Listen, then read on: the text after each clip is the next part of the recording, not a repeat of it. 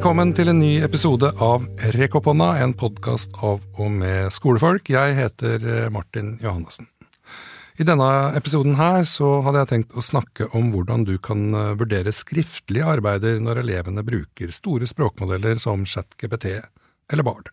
Jeg har eh, tidligere hatt ChatGPT som gjest i Rekk men i denne episoden så er det Googles Bard som får den store æren.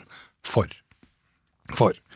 Kunstig intelligens i skolen er nemlig en mulighet for å gjøre læringa bedre, men også en utfordring for selve vurderingsarbeidet.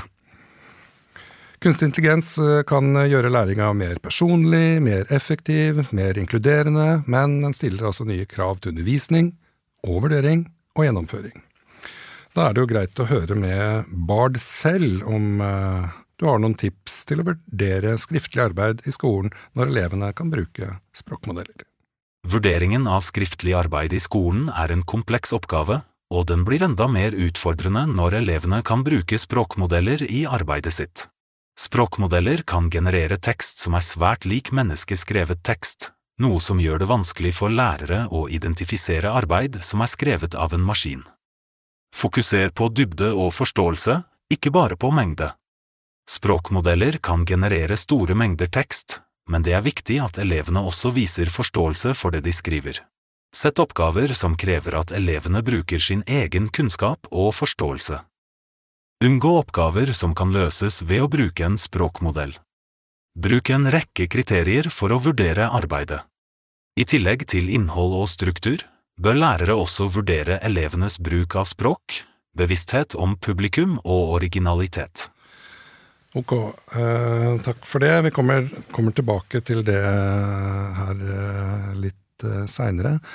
For det å bruke kunstig intelligens i skolen og i klasserommet, det handler om mye mer enn å la ChatGPT og Bard skrive oppgavene for deg. Å bruke kunstig intelligens i skolen det åpner dører for en ny verden av pedagogiske verktøy og opplevelser. Og AI er mer enn en teknologi, det er en samling verktøy for pedagogisk utvikling og praksis, i hvert fall på sitt beste. Og brukt med pedagogisk kløkt så kan det nye AI-verktøya gjøre læring mer personlig, mer effektiv og mer inkluderende. Det kan brukes til å lage spill, simuleringer, quiz, opplegg, andre aktiviteter, og, ja, som kanskje er morsomme, kanskje lærerike, og kanskje kan disse aktivitetene bidra til å holde elevene engasjert og motivert til å lære. Vi kan jo alltids håpe. Én ting som er helt sikkert, er at AI-verktøya kan lage gode undervisningsopplegg og lette arbeidet for deg som lærer i klasserommet, men for å få noe særlig utbytte av den, så må du teste og øve og prøve, og så prøve litt til. AI er, det er et kraftig verktøy som har potensial til å gjøre læringa bedre for alle elevene. Og det er viktig at lærere og skoleledere er åpne for å utforske hvordan AI kan brukes i skolen. Eller hva sier du? Det er viktig å huske at språkmodeller er verktøy, og de kan brukes til både gode og dårlige formål. Når de brukes på en ansvarlig måte, kan språkmodeller være et verdifullt verktøy for å hjelpe elever med å skrive mer effektivt. De kan hjelpe elever med å generere nye ideer, finne informasjon og forbedre sin språklige dyktighet. Og basert på elevenes eh, progresjon og nivå, så kan AI skreddersy oppgaver som er tilpassa hver enkelt elev. Dette betyr at elever som sliter kan få ekstra hjelp eh, og ressurser, mens de som trenger større utfordringer kan bli utfordra på sitt nivå. AI kan hjelpe oss med å identifisere områder der eleven trenger ekstra støtte, på en mye mer effektiv måte enn noen gang før. Men hva slags data ser de på? Hvordan bruker de disse dataene til å identifisere vanskelige konsepter eller ferdigheter? Ved å analysere mønstre i arbeider og aktiviteter, så kan AI-verktøya identifisere hvilke konsepter eller ferdigheter som er mest utfordrende for elevene i klassen din. Og Denne informasjonen kan deretter brukes til å tilpasse undervisninga slik at alle elever har muligheten til å lykkes, hvis man gjør det riktig. Menneskelig interaksjon, empati og forståelse kan ikke erstattes av maskiner, samme hvor kraftig de er. Lærerens rolle blir i stedet å bruke AI som et verktøy for å forbedre undervisningen og engasjere elever på nye måter. Det handler om å kombinere det beste fra teknologien med den menneskelige relasjonen som er så avgjørende for læringsprosessen Eller hva tenker du? Jeg er helt enig i at menneskelig interaksjon, empati og forståelse er avgjørende for læringsprosessen. Lærere er ikke bare ressurser for kunnskap, men også for emosjonell støtte og veiledning. De kan gi elevene en følelse av tilhørighet og trygghet, noe som er nødvendig for at de skal kunne lære å vokse. Kunstig intelligens kan være et nyttig verktøy for å forbedre undervisningen, men det er viktig å bruke det på en måte som ikke erstatter lærerens viktige rolle. AI kan brukes til å gi tilpasset læring, for å lage interaktive aktiviteter og for å gi lærere innsikt i elevenes læringsprosess. Men det kan ikke erstatte lærerens evne til å koble seg til elevene på et personlig nivå og gi dem den veiledningen og støtten de trenger. Her er noen måter AI kan brukes i skolen på en måte som kombinerer det beste fra teknologien med den menneskelige relasjon. AI kan brukes til å skreddersy læringen til hver enkelt elev. Dette kan gjøres ved å bruke data om elevenes prestasjoner, interesser og behov. AI kan også brukes til å gi tilbakemelding og veiledning som er tilpasset den enkelte elevs nivå. AI kan brukes til å lage interaktive aktiviteter som er morsomme og lærerike. Dette kan bidra til å holde elevene engasjert og motiverte til å lære. AI kan brukes til å gi lærere innsikt i elevenes læringsprosess. Dette kan hjelpe lærere til å identifisere områder der elevene trenger ekstra støtte. Ved å bruke AI på en ansvarlig og etisk måte kan vi skape en mer effektiv og inkluderende læringsprosess. Men det er viktig å huske at AI ikke er en erstatning for læreren. Lærere er fortsatt de viktigste ressursene for læring og utvikling. Så kunstig intelligens kan ikke erstatte læreren. Det var også et av hovedpoengene i en ny rapport fra UNESCO de kom nylig med en, eh, egentlig den aller første globale veiledninga om generativ AI i utdanning og forskning, eh, som er designa for å adressere utfordringene som kommer som følge av generativ AI-teknologi, som ChatGPT og Bard jo er. Og En annen ting de foreslår, er 13 eh, års aldersgrense. og Jeg er kanskje litt usikker på hvordan akkurat den skal kunne overholdes. Men én ting jeg er sikker på, er at både du og elevene dine må være forberedt på en hverdag der kunstig intelligens er til stede. Og ved å prioritere AI i skolen, så kan myndighetene sikre at utdanningssystemet vårt er best mulig rusta for å møte dagens og fremtidens utfordringer. Tilbake til uh, vurdering. Uh, for det hvordan vurdere skriftlig arbeid i skolen når elevene kan bruke språkmodeller i arbeidet, det er det store spørsmålet som lærere over hele verden stiller seg i disse dager. De store språkmodellene ChatGPT, Bard, BingChat eh, og andre kan med noen ganske få tastetrykk generere ferdige tekster om det aller meste. Men svarene fra språkmodellene er basert på sannsynlighet, Språkmodeller gir dermed sannsynlige svar, ikke nødvendigvis sanne svar. Eller som Morten Gudvin, AI-professor, skriver i prosa, den er en mester i å generere tekst, men vet ikke om det den skriver er sant. Eller som Inga Strumke skriver i bestselgeren Maskiner som tenker, ChatGPT er fabelaktig flink til å formulere seg, men den har ingen måte å undersøke om det den sier er sant. Kort sagt er den god til å kommunisere, men elendig til å informere, skriver altså Inga Strumke. Dette må både lærere og elever være klar over når eh, de tar i bruk de store språkmodellene.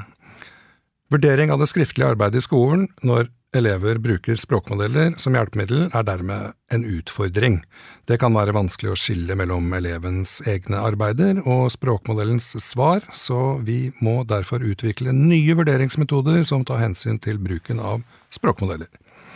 Her er tre forslag som er utarbeida av eh, Bard og meg i fellesskap for å vurdere skriftlig arbeid når elevene bruker språkmodeller. Forståelse, kunnskap og variasjon er stikkord. Forståelse Fokuser på dybde og forståelse, ikke bare på mengde. Språkmodeller kan generere store mengder tekst, men det er viktig at elevene også viser forståelse for det de skriver. Muntlig oppfølging er en måte å gjøre det på.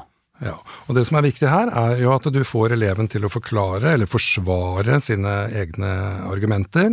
Og du får elevene til å mm, f.eks. sammenligne eh, ulike perspektiver i teksten. Eller at de viser forståelse og bruker begreper og faguttrykk på en adekvat måte. Kunnskap. Lag oppgaver som krever at elevene bruker sin egen kunnskap og forståelse, og som er vanskelige å løse ved å bruke en språkmodell. Ja, og den, den er kanskje litt, eh, den er litt kinkig, men det som man skal gjøre her, er jo uh, f.eks. å be elevene om å forklare hvorfor et bestemt synspunkt i teksten er feil eller eh, sammenligne og beskrive kontraster til to ulike perspektiver, eller meninger eller holdninger i en tekst. Eller at de skal argumentere for eller imot et standpunkt som eh, kommer fram i teksten. Variasjon. Bruk en rekke kriterier for å vurdere arbeidet. I tillegg til innhold og struktur bør du også vurdere elevenes bruk av språk, bevissthet om publikum og originalitet. Ja, Det er jo på en måte selvsagt for, eh, for, eh, for norsklærere, men det er viktig å ta det opp uh, likevel. Så kan man jo også snakke om elevenes bruk av synonymer, av metaforer, eller om de har kontroll over grammatikken og rettskrivinga, sånne ting. Um, bruker eleven en aktiv stemme, en passiv stemme i teksten, eller når de snakker om det? Viktig å, å snakke om og om det er en variasjon i språkbruken. Mange språkmodeller har tendens til å bli ganske sånn litt monotone i språkbruken. Ok, så dette er uh, noen tips uh, og råd som jeg hadde lyst til å, å, dele. Men jeg tenker også at det er viktig å gi elevene opplæring om hvordan man bruker språkmodeller på en etisk og effektiv eh, måte. De må øke forståelsen av kildebruk, og at det er viktig å tilføre originalitet, altså sin egen stemme, inn i elevarbeidet. Ganske viktig. Og det kan bidra til å redusere risikoen, da, hvert fall, for at elevene klipper og limer fra språkmodellene. Jeg har tidligere skrevet om etisk og forsvarlig bruk av eh, kunstig intelligens i undervisningen på bloggen, så det er bare å finne fram eh, den der. Men så det første spørsmålet da var jo om uh, kunstig intelligens faktisk gir oss noe mer til elevens læring, eller om, bare, eller om, vi bare gjør det fordi det er nytt og stilig og, og, spennende å prøve noe nytt. Og Det betyr jo ikke at vi skal droppe den vanlige undervisninga bare fordi det har kommet et, en ny teknologi. Vi skal bare velge, eller velge bort kunstig intelligens når det gir mening i undervisninga vår. Altså rett verktøy til rett oppgave. Her er noen uh, flere tips. Sørg for at instruksjonen til oppgaven er klar og tydelig. Spesifiser om bruk av språkmodeller er tillatt, begrensa eller ikke tillatt i det hele tatt. Det er enkelt uh, å få til.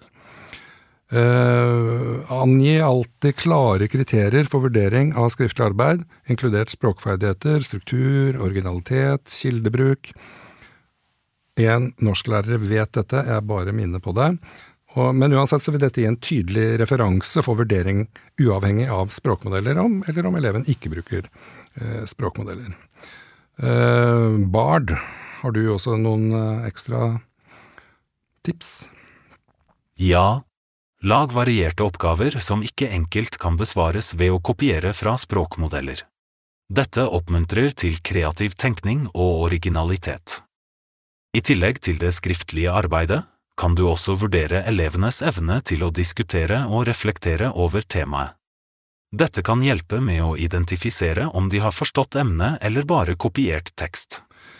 Takk, vi, vi rekker noen til. Jeg uh, tenker at Å oppfordre til åpen kommunikasjon mellom deg og elevene dine om bruk av språkmodeller er viktig. Å gjøre elevene trygge på å si fra Uh, hvis de føler seg usikre på, på, hvordan de skal bruke dem. Hjelp dem i gang, og hjelp dem uh, til å gjøre oppgaven ordentlig. Det gjelder egentlig uansett. Vurdering av skriftlig arbeid i en tid der språkmodellene er tilgjengelige, krever en balanse mellom å dra nytte av teknologien og sikre at eleven utvikler nødvendige skrive- og tenkeferdigheter. Da er det viktig å tilpasse vurderingsmetodene etter behov og i tråd med pedagogiske mål du har. Jeg er enig i at vurdering av skriftlig arbeid i en tid der språkmodeller er tilgjengelige, krever en balanse mellom å dra nytte av teknologien og sikre at elevene utvikler nødvendige skrive- og tenkeferdigheter. Språkmodeller kan være et nyttig verktøy for å hjelpe elevene med å utvikle sine skriveferdigheter. De kan gi elevene en start på oppgaver, hjelpe dem med å organisere tankene sine og gi dem tilbakemelding på språkbruken. Men det er viktig å bruke språkmodeller på en måte som ikke erstatter elevenes egne skriveferdigheter. Takk, lurt og godt råd eh, der på slutten fra Googles eh, Bard. Kunstig intelligens i skolen er et kraftfullt verktøy, men det er viktig å bruke det på en ansvarlig måte. Sett i gang, test ut, prøv, finne ut hva den kan, finne ut hva den ikke kan. Lykke til! Og takk for at du hørte på Rekk opp hånda med Bard og meg. Vi høres.